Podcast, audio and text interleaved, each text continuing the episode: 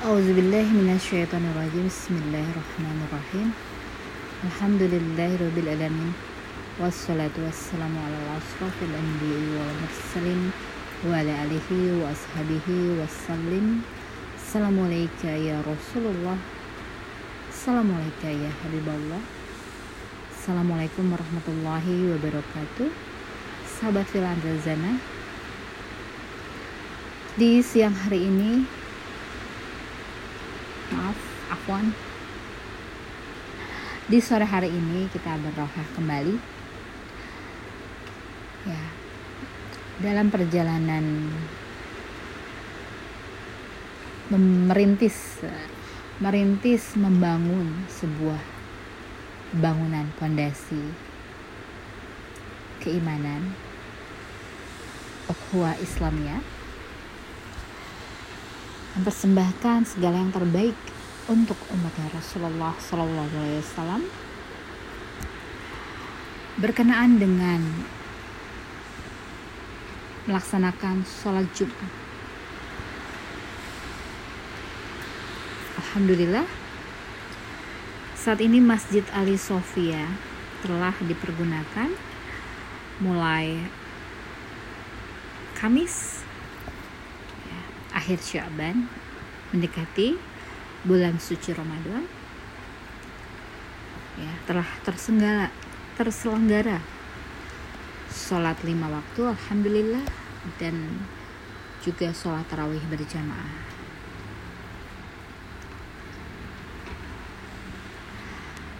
Memang dalam benak sebelumnya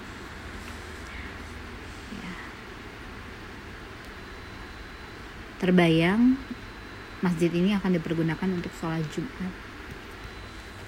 Untuk menghindari hal-hal yang tidak diinginkan kepada jamaah sepuh yang sudah berumur agar lebih dekat dalam menjalani sholat Jumat. Itu satu. Yang kedua untuk mempermudah ya yang bukan mukim di sini dalam arti pekerja yang bekerja di sini pabrik bisa dipermudah untuk melaksanakan sholat Jumat untuk tidak sholat Jumat yang lebih jauh dari tempat dia bekerja. Itu maksud dan tujuannya. Dan diketahui dengan masjid depan terhalang oleh jalan raya ya. Dan jalan kecil yang melintasi yang lumayan cukup jauh apabila dengan berjalan kaki. Dan satu lagi masjid yang satunya lagi terhalang oleh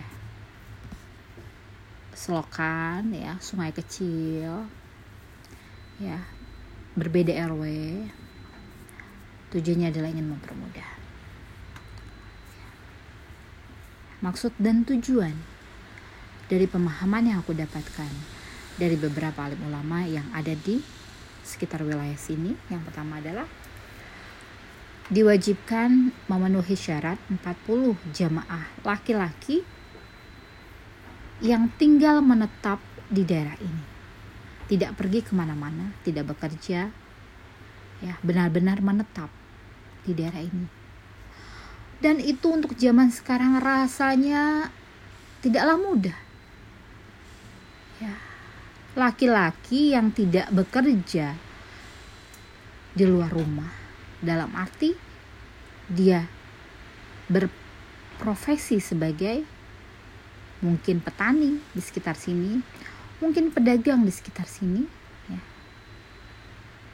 Itu rasanya syarat itu tidaklah mudah karena sekarang kita menghadapi yang namanya populasi yang majemuk yang rata-rata bekerja di luar rumah. Yang kedua lagi,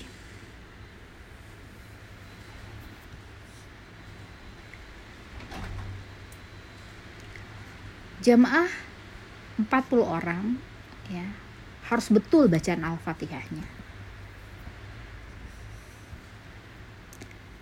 Ini adalah tanggung jawab ulama sekitar sini untuk mendidik para laki-laki di sini, baik anak remaja sampai dengan dewasa, untuk diperhatikan pembacaan surat Al-Fatihahnya apakah sudah sesuai dengan mahrozul huruf, dengan tajwidnya, dengan apa yang diajarkan oleh Rasulullah.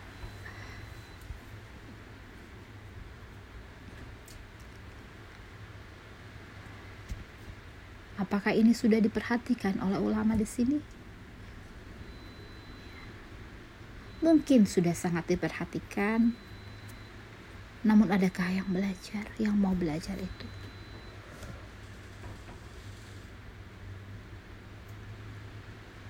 Penting sekali ya mempelajari mahrozul huruf ya. Haknya huruf-huruf hizaiyah yang harus dilafalkan dengan benar, dilafazkan dengan memenuhi haknya. Itu adalah sangat diwajibkan ya mempelajarinya.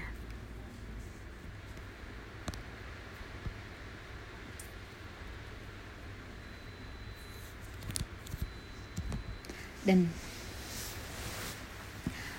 dan lagi ada lagi adalah ya kesepakatan dari para sesepuh alim ulama jamaah untuk mengadakan sholat Jumat dengan syarat-syarat tadi untuk diadakan di masjid yang ditunjuk untuk menyelenggarakan sholat Jumat. Yang dapat disimpulkan menjadi hikmah luar biasa bahwa sholat Jumat adalah momen penting dalam ukhuwah Islamiyah, merapatkan barisan menyatukan pandangan, perkembangan apa yang terjadi pada umat Muslim saat ini.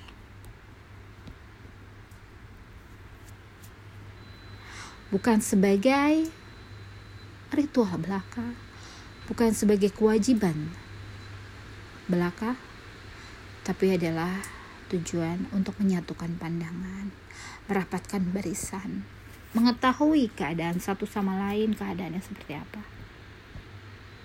Ini yang harus dijalin dari sholat Jumat. Mengenai Al-Fatihah yang saya dengar menjadi satu syarat untuk mengadakan sholat Jumat harus sesuai dengan membacanya dengan baik dan benar sejumlah 40 orang.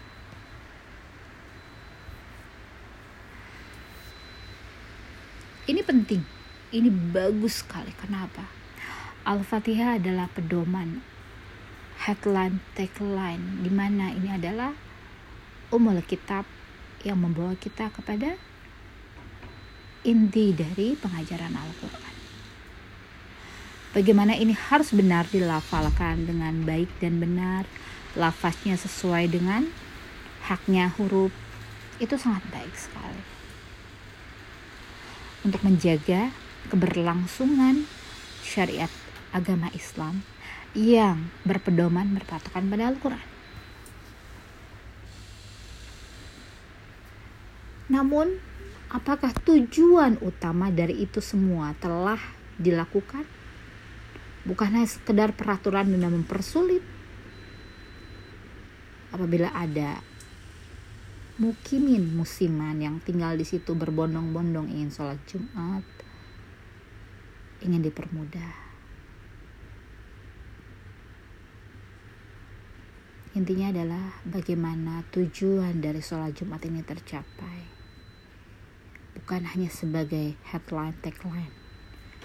Merekatkan tali silaturahmi, merekatkan ukhuwah Islamiyah, menyatukan pandangan, mengetahui keadaan satu sama lain. Adakah yang kelaparan? Ada yang kurang bisa membaca Al-Quran? Apakah itu sudah tercapai? Intinya adalah tujuannya adalah untuk itu, sebaik-baiknya. Yang mengatur secara detail dari mazhab Syafi'i adalah bertujuan untuk seperti yang tadi disebutkan. Bukan untuk hal-hal yang sifatnya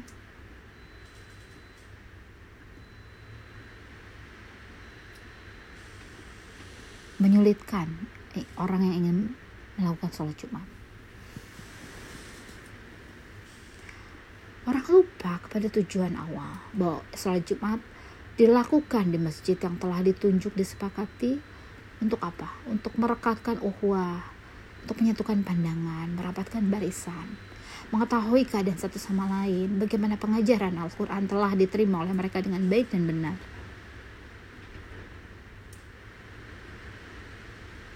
Apakah itu telah dilaksanakan? Karena tonggak utama dalam penyatuan umat Islam adalah melalui sholat Jumat.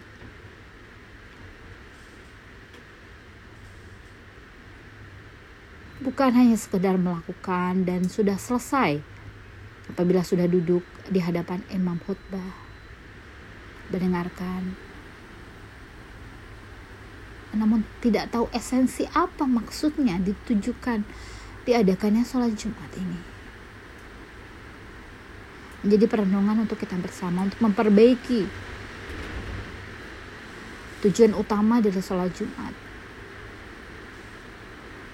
Mengetahui satu persatu apakah umat sudah bisa melafalkan Al-Fatihah dengan baik dan benar.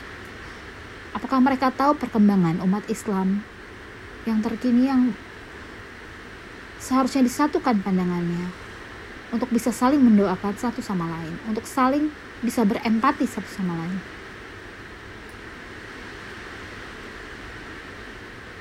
Mungkin tanggapan dari saya seperti itu mudah-mudahan bermanfaat dan membawa hikmah luar biasa untuk kita semua. Tidak lain kata yang bisa saya sampaikan selain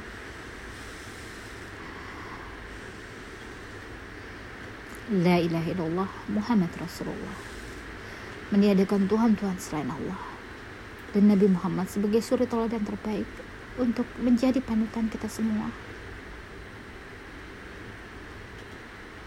Salawat serta salam Kucurahkan kepada baginda Dan seluruh keluarga dan sahabatnya.